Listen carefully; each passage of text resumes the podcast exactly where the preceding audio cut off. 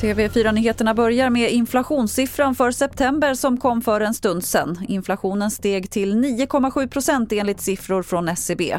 Andreas Hatzegeorgiou är chefsekonom vid Stockholms handelskammare och han säger så här om siffran.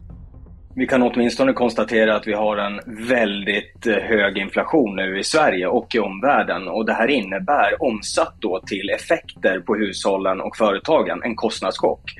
Eh, och vi räknade nyligen på vad eh, ett genomsnittligt hushåll i, i till exempel Skåne och Stockholm kommer att betala i ökade kostnader och det är uppemot 140 000 kronor nästa år i ökade utgifter. Flera länder säger att de lovar att förstärka Ukrainas luftvärn. Storbritannien lovar bland annat luftvärnsrobotar som kan skjuta ner ryska kryssningsrobotar. Även USA och Frankrike kommer att skicka luftvärn till Ukraina. Bestånden av vilda ryggradsdjur som fiskar, fåglar och kräldjur har minskat med 69 procent mellan 1970 och 2018. Det visar en rapport från Världsnaturfonden.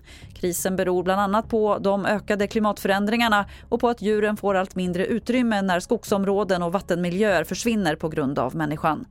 Fler nyheter finns på tv4.se. Jag heter Lotta Wall.